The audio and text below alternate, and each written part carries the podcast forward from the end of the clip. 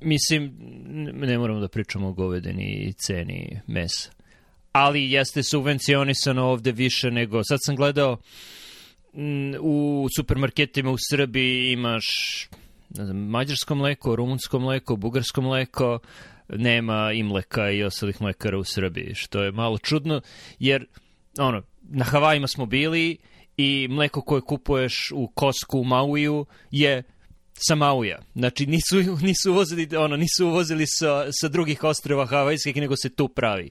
I većina u svakom supermarketu mleka koje piješ u Americi je iz lokalnog, iz, iz sa neke lokalne farme. Ne insistiraju previše na tome, ali toliko je razvijena stočarska industrija ovde. I mm. subvencionisana. Mm, da. Dobro, mada nije baš ono, koliko košta distribucija prehrambenih proizvoda od na ostrovu usred Pacifika i u, od Nemačke do Srbije ili Mađarske do Srbije, tako da...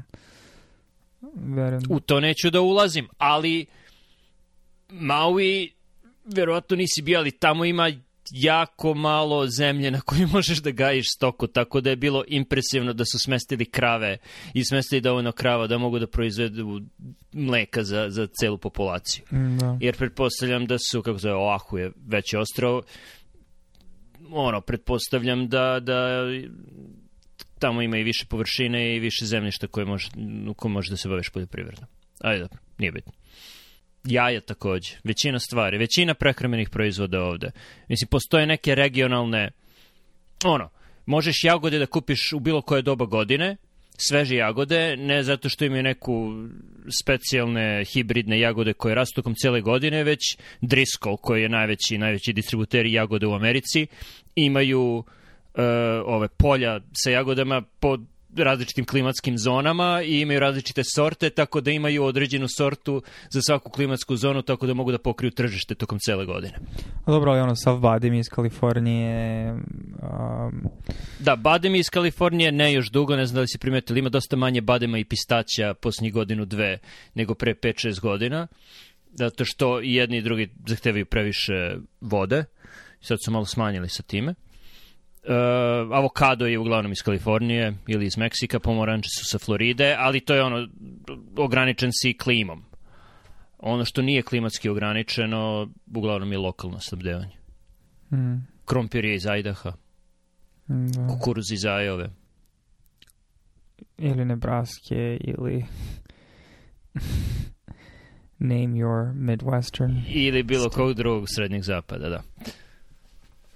Da bio sam opet u Bostonu to mi je, hoću o tome da pričamo. I Aj. opet sam imao iskustvo na A čekaj, putu si bio, iz Bostona. Za nije, u Bostonu isto bilo, baš se poklopio sa ovim protestima ispred ovih klinika ili nije te dotaklo uopšte? Ne, šta je bilo u Bostonu ispred klinika? Jo, ja sad toliko periferno uključujem to da nisam ni siguran, ali mislim da je bilo vezano za ovo isprve Boston Children's Hospital vezano za transgender operacije, pa bio protest, pa bio kontraprotest, pa... Ok. Izbili ne, srećem je, srećem je dovoljno veliki grad da, da nisam ni primetio. Uh, bio sam poslom i mislio sam da se napravim pametan. Znaš kako je bilo, prošli put je bila karta u zaposljenji da. let u 8 uveče, koji sam ha, pomerit ću na 5 popodne i na kraju taj let u 5 popodne odlete u 11.12, u 11. Posle ponoći sam stigao u Washington. I sad sam htio da budem pametan, imao sam let za, ne znam, četvrtak u 3 popodne, ali završio sam svim poslom već u sredu u 5, tako da sam mislio otići od aerodroma i na aerodromu ću da zamenim kartu, JetBlue, aviokompanija, kompanija, e, uh, ima letove sve do 8 uveče, pa ću da zamenim kartu ono, od, od četvrtka u 3 za sredu u 8 i onako dođem ranije, uzeći za neki još raniji let i budem tamo u, u pola sedam i pitam ih mogu da zamenim kartu za 8, pa ne možete, zašto ne mogu, potkazan let. Dobro, mogu za 7, ne može za 7, sad je počeo boarding, ne može više da se kupi karta.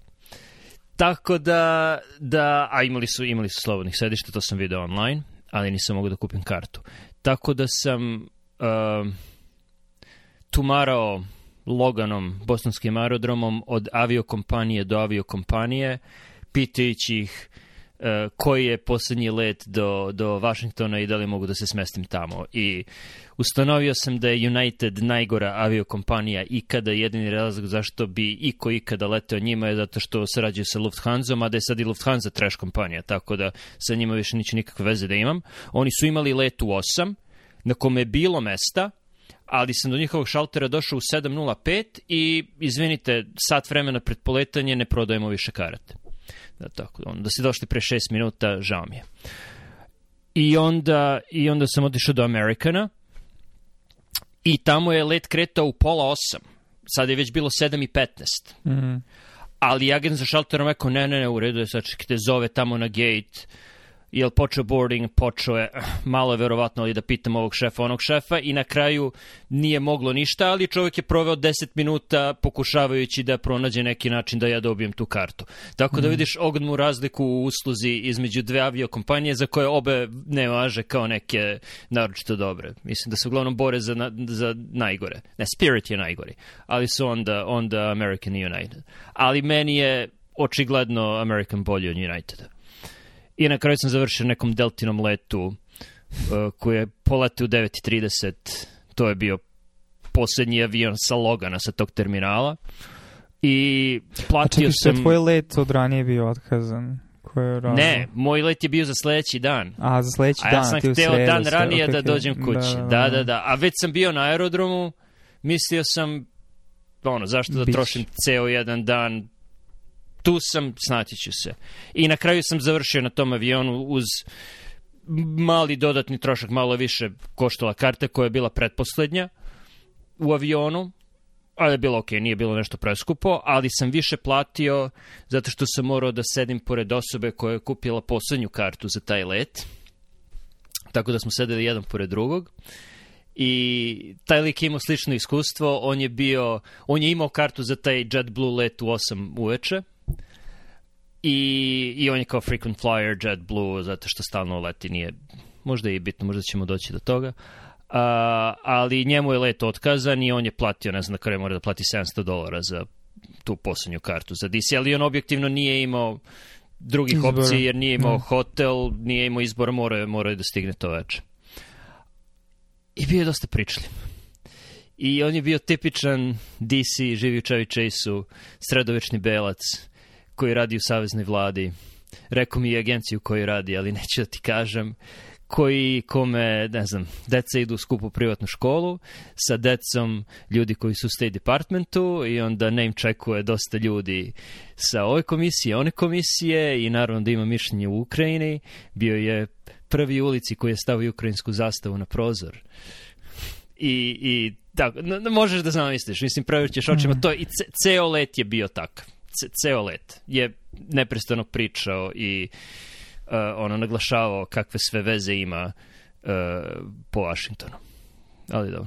To, to, je bila, to je bila veća cena mog uh, e, neuspelog, u stvari uspelog plana, ali nedovoljno uspelog plana da, da dođem ranije kući.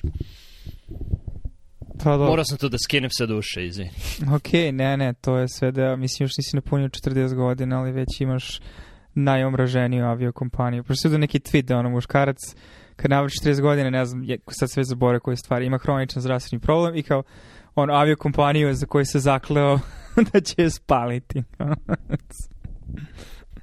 za mene je to apsolutno United. JetBlue je, je druga koja je blizu na, na spisku, iako oni važe za kao dobru, dobro organizovanu kompaniju, ali JetBlue je onaj let prošli put koji je kasnio 6 sati, a sada su otkazali mhm. posljednji let koji ide iz grada nisu rekli zašto su otkazali, ali mislim takve stvari generalno ne bi trebalo da se rade, jer ako odkožeš neki leš, let, možeš bar ljudima da kažeš pa evo za sad dva kreće sledeći, možemo da vas prebacimo na taj.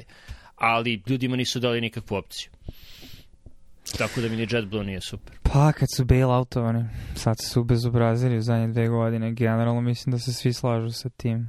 Ovaj, da je mnogo lošija usluga uh, što preko okeanskih, što regionalnih letova. Da im se može. Ali ne, ne, znam, ne znam da postoji neka, ono, neko detaljnije objašnjenje zašto. Um, mislim, možda i sad cene goriva su skuplje i možda im se ne isplati, recimo, avion nije bio dovoljno pun da bi im se isplatilo da lete, pa onda otkazuju. Mislim. mislim da je bilo to. Mislim, druga alternativa je da jednostavno nisu imali opremu ili radnu snagu i da su morali neke stvari da premeštaju, ali mislim da je na kraju bilo to da oni operišu tako na, na ivici na ivici solventnosti. Uh, tako da preraspodeljuju, preraspodeljuju letove za ovaj grad, onaj grad, zavisi od toga koliko je karata prodata. A to Boston DC bukvalno ide na svaki sat, tako da verovatno pokušavaju na kraju dana da konsoliduju letove i da, da no, hmm. prođu jeftini. Znači. Dobro, to je, to je jedna stvar vezana za, za sredovečnost što imaš mišljenja ja kao aviokompanijama. Druga stvar je što imaš jaka mišljenja o arhitekturi, mislim da smo o tome pričali. Mm. I Boston mi je sad o, opet bio, jes, nismo pričali prošli put. O arhitekturi Bostona nismo, na... Jako lep grad. Zato što jeste da ima ja, jako lep grad uprkos pokušajima e, brutalizma i to teškog brutalizma i to ne mislim samo na gradsku skupštinu koja je najgora stvar, mislim da je najružnija zgrada u Americi tačka, pogledaj samo Boston City Hall, oni pokušavaju da da ulepšaju, ne znam, ima neka veštačku travu su stavili. Inače, sve je ono betonski plato i jedna ogromna betonska grada, zgrada na, sve, na sred toga. Prelep pogled na luku, iza su stare crkve, ono, Boston iz 18. veka, a, a to čudo je stavljeno tu da ti, da ti zagorča život. O Bože, ovo izgleda kao neki SFRJ spomenik, ono, palim borcima. da, Da, znači, pričali smo o tome, to, tome je mesto na, na vrhu planine, da, da, da mu se diviš iz daljine kao spomenik palim borcima, a ne, a ne u sred jednog najstarijih grada u Americi. Ali nije to jedina takva zgrada, ima puno hotela, znači prošao sam, njihov kongresni centar je takav, uh, sa unutrašnjošću ono, 70. rane 80. tipa Sava centra, uh, to je loše, ali uprko svemu tome ima jasno definisane komšiluke kroz koje možeš da šetaš, jeste da ima solitera, što mi je, ono, nisam se i dalje na njih navikao zbog ono, životu, ni DC ni Baltimore ih nemaju, toliko, DC uopšte, ali imaš lepe komšiluke, lepa crvena cigla, uh, vidiš i to je velika razlika u odnosu na Washington, uh, mnogo pričljivije ljude. Ne znam, ovi, na, na, na severistoku važe ljudi za namrgođene i, i ne tako otvorene prema strancima. Koliko Dunkin Donuts ima po kvadratnoj milji? ima ih dosta. Mm. E, bio je jedan pored mog hotela i jedan na sledećoj raskrsnici i ono, raspoređeni su tako da, da nikad nisi više od, od tri minuta udaljen hoda od nekog dana. Pa, Ovis, ja volim njihovu kafu. Znači, to je mi najbolja drip kafa bilo gde. Ono, znači... okay. I objektivno imaju bolje krofne od Krispy Kreme. Krofne su, sad što su krofne generalno loša stvar koja ja, su da, prazne ja kalorije. Ja to nikad ne kupujem jer ne, ne prija mi, ali kafa im je cool. Da. Da, i ne samo drip kafa, imaju jako kvalitetne i espresso kafe koje su bolje od Starbucksa, ako mene pitaš Starbucks je obično previše gorak i zagorao. Mm. Drip Starbucks je uh, Ali, ali počeo sam, ne važe za najprijateljski narod, ali mi se desilo u svaku prodavnicu koju sam ušao ili su prodavci bili dosta pričljivi ili su kupci bili dosta pričljivi, tako da uvek počneš neku priču, što u Vašingtonu jednostavno nije slučaj. Da li se sećaš neki put da si otišao u neku prodavnicu i, i da, da, da je počela neka priča.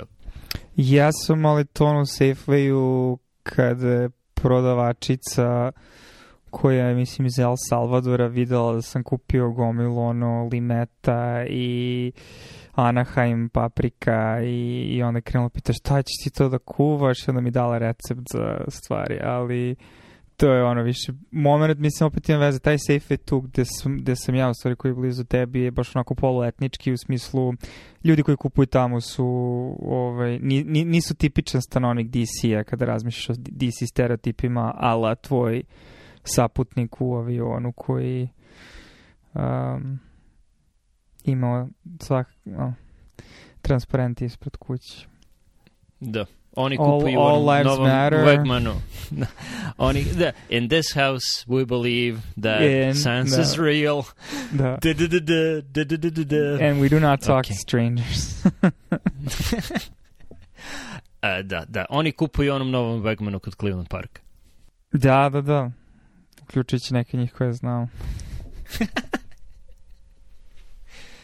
mm. Nemoj da si zlurad. Uh, Nis, uh, ne znam, pa, ali, ali imaš različite, ako pričamo o tipičnim stanovnicima DC-a, da, to je jedan tipični stanovnik, ali oni su generalno u delovima grada kojima možeš da šetaš, ali ne bi ih baš nazvao gradom, gradom. Mislim, to je Chevy Chase, to su Palisades, Georgetown.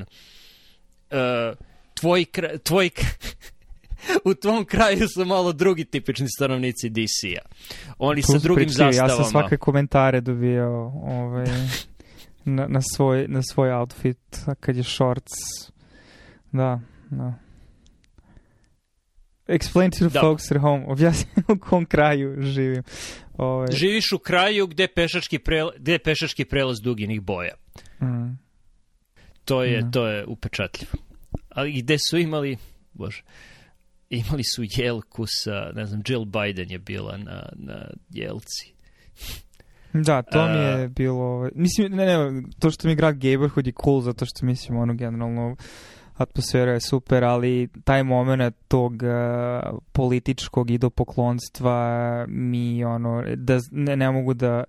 Mislim, mogu da razumem nivo analize, ali mi to onda baš onako ružno svedočanstvo stanju uma lokalnog življa ako im je to nešto što je, se smatra da je cool jer je vrlo cringe da imaš isečke glave Joe Bidena sa naočarima za sunce kao ukrase za jelku i na vrhu jelke je Jill Biden ili što je već. Ne znam, to mi je ono kao živimo u sekularnom društvu politika ono, države odvojena od crkve, ali slavimo političare kao da su religiozne ikone, mislim, ne znam, jako je jako je trip. Mi, no, tu je DC je specijalan jer ne znaš ko su i mušterije i verovatno su iste političke afiliacije kao i verovatno su bliži svim tim ljudima koji stavljaju na, na jelke nego, na novogodišnje jelke nego da, da Dobro, mislim imali Trump. Mislim imali Trump. Imali su Trumpa, ali u drugim kontekstima. Da. Obično no. za noć veštica. No. no. Da, da. da, da ali pomislio sam kad sam bio u Bostonu, ipak je DC kad gledaš američke gradove, odličan je grad, ali više naginje ka seocetu nego, nego pravom gradu. Mm. Ako uporediš, i, i čak i ono, mislim, Chicago i New York su na vrhu, gradova, gradova, onda imaš šta, Boston i Filadelfiju, LA ne računam jer mi LA nije grad, LA je veliko predgrađe, generalno ne bih ga svrstao u, u, u tu istu klasu. Ali ono, Seattle, Philadelphia, Boston su tu i onda je DC ono, treći ili četvrti rang gradova. Kada zamenjaš američke gradove. Mislim, super je. Ali nema toliko različitih komšiluka nema toliko kad, kad pro, prolaziš kroz ono Gallery Place Chinatown, mislim kakav je to Chinatown, to nije, nema, nema kineske četvrti nikakve. Nije, nije, nije tipičan američki grad. Što je možda dobro. Sigurno je dobro ako imaš decu. Pa ne znam, ni, mislim nije, nije loš grad svakako, mislim daleko od toga, samo što zavisi šta očekuješ od grada i mislim Delom, delom je tim što ima status distrikta koji ima i što zaposleni koji rade, najviše, najveći deo njih rade za vladaju su kontraktori, te samim tim to definiše demografsku strukturu, samim tim je nedostatak ono, kohezije neke zajednice koje bi dovela nekom posebnom kvalitetu nekog kraja koji je rezultat organskog rasta neke zajednice vezane ili za etničku grupu ili za neko podneblje. Uh, um, i više rezultat samo ono tranzitornosti, barem u tom užem centru. Tako da je to zato i nije pravi grad, što ljudi često kažu. U mm. smislu jeste grad kao ono lepo izgleda, ali ljudi koji žive u njemu su tranzitornog sa tranzitornim planom tu uglavnom. Većina onih srednjeg i višeg, višeg socioekonomskog statusa osim ako nisi sudija Vrhovnog suda ili neki visoki funkcioner u, u dubokoj državi. Da, mislim, pogotovo što u svim tim starim zgradama, znači, to je grad koji sigurno ima najveći broj think tankova na, na kvadratne milje, kad pričam, pričam. Mislim, znaš, ja sam baš gledam u mom kraju, znači u mom bloku, mislim da su dve ili tri. Onda imaš crkvu Scientologije sa druge strane. Znači, imaš mnogo onako lo, lobističkih grupa koji iznajemljuju prostore u tom gradu, tako da to doprinosi tome da to nije, ne, nema taj osjećaj grada. Kada je gomila prostora tu sa idejom da budu što bliže izvoru ono, moći ili kako već nazovi to. Da, zato su mi generalno čudni likovi koji su tako prodemokrate, pro, prodemokratija, ne prodemokratska stranka, koji se zalažu za liberalni svetski poredak, zašto se ja zalažem, da se ne, ne razumemo pogrešno, ali, ali živi u DC-u gde nemaju pravo glasa. Mislim, to mi je, to mi je zanimljivo. Ne znam, ja da, da, da mogu da glasam, malo je verovatno da bih izabrao da mi DC bude, bude pa mesto pa, dobro, stalno prebivalište. Pa dobro, ali ako imaš mnogo para, onda možeš da tvoj, tvoju građansku uticaj proširiš mnogo više nego samo jedan glas. Možeš da oblikuješ politiku zemlji. Time što A dobro, pod da nemaš previše para. Mislim, ako imaš dovoljno para, možeš imati kuću u DC-u i kuću u, u na Majam, u Majamiju i u gde, gde Amazon je u Sjetlu, mislim kao što Bezos, ne znam gde je Bezosovo stalno prebivalište, da li ima stalno prebivalište, negde u avionu ili na jahti. Tako da sa te strane možeš da biraš. Ali pričamo mom saputniku koji živi u, u Vašingtonu, ono, Ali to su sve boomeri, mislim, 50. koji ono, činjenica da su ostali da žive u tom gradu, znači da nisu preduzetničkog duha, zašto koje preduzetničko pođe samim tim to se orijentiše sa ono stranačkom afiliacijom, mislim. Drago si mi da si to spomenuo. Uh, jer je vezano za člana koji se mi poslao, odnosno snima koji se mi poslao. Aha. Pošto nisam baš siguran koliko su ti likovi, koliko ti likovi nisu preduzetničkog duha, odnosno jesu ako ostanu tu, ali ima dosta ljudi preduzetničkog, preduzetničkog duha koji svoju karijeru počnu u, u državnoj administraciji i onda provedu malo vreme u, u industriji koju regulišu, pa se onda malo vrate u državnu administraciju i, i tako imaju jednu zanimljiv, zanimljivu cirkularnu karijeru. Da, to, to je, je preduzetno. Onih, pa to je jedna od onih stvari, aj podelit ćemo e, link tome, ali čin, u pitanju je znači sastanak neke stručne grupe, saslušanje kongresa šta god, gde kongresmeni intervjušu egzekutivne ovaj, posla, mislim ono, isp, isposlenike iz različitih a, banaka Amerike da bi diskutovali o finansijskoj krizi i rešavanju ekonomskih problema, gde uh, taj kongresmen u uvodnoj reči ili kad on prema što će krenuti na dnevni red uh, saopštava kako eto kao pomogla nam je u pripremi ovo naša ono koje radi u našoj kancelariji koje će uskoro se pridruži vama u Bank of America i onda je veliko Bank of America ha, ha da da njen tata već radi za nas I znači ono što je šokantno tu je u stvari kako ono bez bilo kakvog srama, pardona, čak i ono kao krošalu, iako je to sve javno dostupno na C-SPAN-u, ovaj, uh, ti pokazuju kako ono ih boli dupe za sukobe interesa i kao, ok, haha, danas,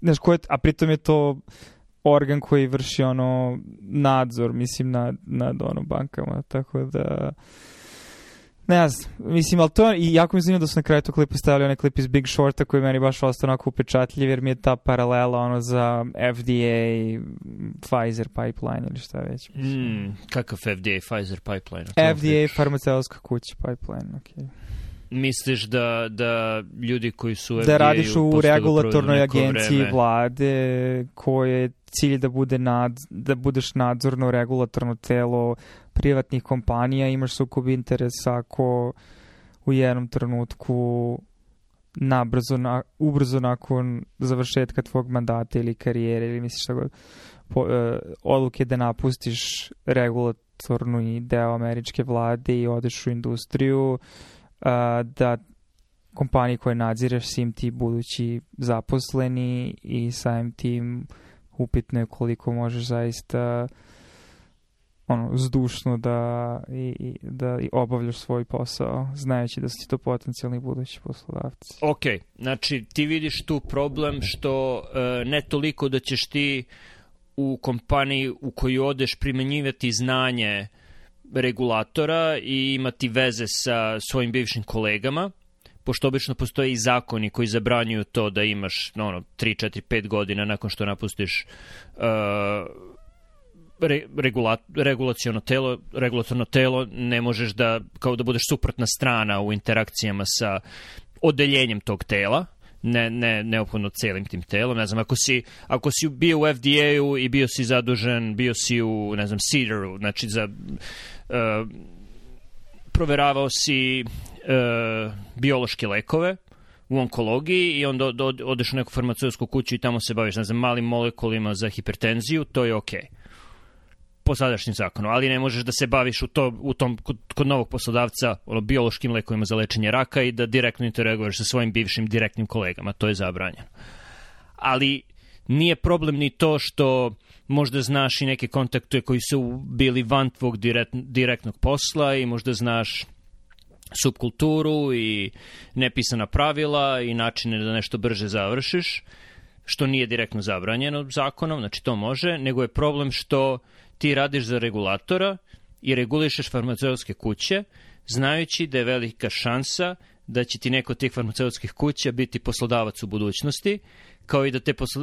farmaceutske kuće sa, koje rade sa tobom znaju da si ti potencijalno njihov novi zaposleni. Pa ne mislim da su obe stvari izvor sukoba interesa. Mislim samo što je teško meriti vjerojatno od individue do individue, situacije do situacije, različite stvari. Znaš, i zavisi koji je nivo u toj regulatornoj agenciji bila ta osoba, znaš. Uh, uh, ali da, mislim, ma daj, vrati, ono bivši commissioner. Mislim, aj, znam, ti prikaš, ti, mislim i ti sam znaš, da, slovo, izrazi ti svoje mišljenje, pogotovo što si ti sa druge strane hodnika, tako da... Mislim... Pa bivši... Uh FDA commissioner, misliš na Scotta Gottlieba? Na. Dobro, on je jedan od pametnih osoba koja je bila FDA commissioner. To je, ali to je pro, uh, znači ali to ti kaže znači i to je znači znači nisu ti svi to je ono što je mislim kako ono banality of evil ili šta već znači nije što su ljudi zli prepredeni i nego jednostavno su stavljeni u sisteme koji imaju postice koji dovode do ishoda koji nisu dobri po društvo, mislim, jednostavno. Znači, možda imaš i pametne i kvalitetne ljude, ali činjenicom da ih staviš u situaciju kojima se, će, ćeš im modifikovati ponašanje, drastično menjaš ishode, mislim. Mm, to je tačno, ali kako bi ti to rešio? Jer, ono, benigno viđenje te stvari je... Uh, ok, ljudi na početku karijere nisu sigurni čime žele da se bave, možda su mladi i, i ono, imaju ideala i zato se pridruže FDA-u i onda tu uh, steknu dosta iskustva i, i vide šta je sve moguće i, i vide i drugu stranu industriju koju regulišu i pomisle, hm, pa možda bih mogao još veći uh, još veći uh, impact, veći doprinos da napravim, radit u industriji nego, da, nego, bit, nego biti regulator, a i ono, novčani momenat nije beznačajan, jer kad si zaposlen u saveznoj vladi je ograničen i onda kad si malo star imaš veću porodicu, razmisliš pa sad mi treba malo više para, a farmaceutska kuća misli, ok, i oni možda u interakciji sa tobom vide da si, da si pametna osoba, da li bi ti, da li, da li bi ti sprečio, šta, na 5 godina, 10 godina da neko ko radi za saveznu državu da pređe u industriju, ali čime bi se onda bavili i da li tako, zar tako ne zaključavaš ljude na, na radu saveznoj državi na, na koliko dugo? Pa koja, to je, je problem, koja znači, je alternativa? Znači, pa to je ono, znači ja nisam rekao da postoji idealno ili bolje rešenje nego ovog trenutnog ustrojstva, samo sam rekao da trenutno ustrojstvo ima mislim, dubiozne mislim, konstelacije. Mislim, i mislim da ćeš se ti sa time složiti, jer se, se složem na tu temu više puta, samo je problem što... Ne, ne, slažem se, naravno, da. Znaš, samo Ali što rješenje naglas... nije jednostavno, pa nije jednostavno, no. Da. znači da li da povećaš plate recimo FDA toliko da oni da FDA postane jako kompetitivan te samim tim da smanjiš odlazak ljudi ali ali ovaj znaš zašto zašto zašto zašto postoji termin pipeline. Znaš, da taj termin ne postoji kolokvilno bez razloga. Mislim, ljudi ga ne bi nazivali tako i smijali se ha ha ha i to bilo kao iz ovo što smo spomenuli ovaj, ovaj klip. Uh, ne bi to bio izvor šali humora da ljudi nisu svesni da se tu baš rade stvari koje ono ali mi on, mislim, daleko toga da nemaš društva koji imaju mnogo veće probleme sa odnosima između uh, uh, grana vlasti i, i lokalnog privatnog sektora, tako da... Mm. Ove, ovaj, A, rekao bih ti koja je alternativa. Moraš, moraš malo da razmišljaš van kutije u tom pogledu. Uh, jedan, jedno od rešenja za, za problem interakcije regulative i industrije je da smanjiš regulativu. Na taj način treba ti manje ljudi koji će to, te, time da, da upravljaju. Ne, ili da smanjiš samu regulativu ili da premestiš da se tom regulativom bavi veštačka inteligencija i da, i da treniraš algoritme koji će moći da ti provere protokole, koji će moći da ti provere aplikacije od 200, Ali strana. dobro, veliki deo onoga što je FDA, što FDA radi je pregovori sa farmaceutskim kućama i zahtevi za dodatnim podacima i te, da ima tu mnogo stvari koje veštačka inteligencija ne može tek tako da reši. Mislim. Zahtevi za dodatnim podacima su apsolutna stvar koju veštačka inteligencija može da reši, jer je veštačka inteligencija bi trebalo, nisam stručnjak, uh, da može da prođe kroz ono stotine i stotine strana uh, podataka iz studija, da ih analizira i da vidi šta nedostaje. Ne? Ali onda bi samo smanjio, mislim, obim, samo bi smanjio broj zaposlenih, ali Možda pa da. Bi, ali bi time možda smanjiš, ali onda ti zaposleni ne smiju da idu farma, ali ti zaposleni onda ne smiju da idu farmaceutsku industriju. E, možeš tako da napraviš ili možeš bolje da ih platiš ako imaš manje zaposlenih. No. Da. Mislim da je nemirno da će morati u FDU da se automatizuje gomila stvari s obzirom da toliko rastu tržišta, znači novih. Mislim, toliko raste broj modaliteta nečega što bi trebalo da prođe kroz kontrolu FDA-a, da, mislim, i tvoja kompanija je dok tome, da mislim da je sve veći pritisak na FDA, da naš, nije, broj kliničkih studija koje se radi sada u odnosu na pre 40 godina je daleko veći, mislim. Ali ne, ne, ne vidim, mislim, ok, to je, to je ali kao hipotetičko rješenje veštačkom inteligencijom, ali mislim onda i tekako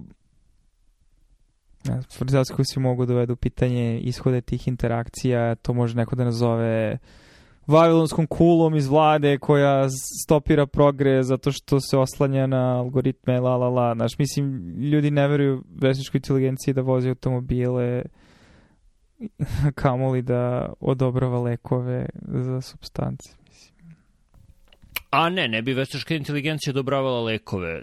To uvek radi komisija FDA. Te sam tim težina njihovog sukoba interesa daleko veća, jer onda ta osoba drži mnogo veću moć u ruci ako je manji broj zaposlenih.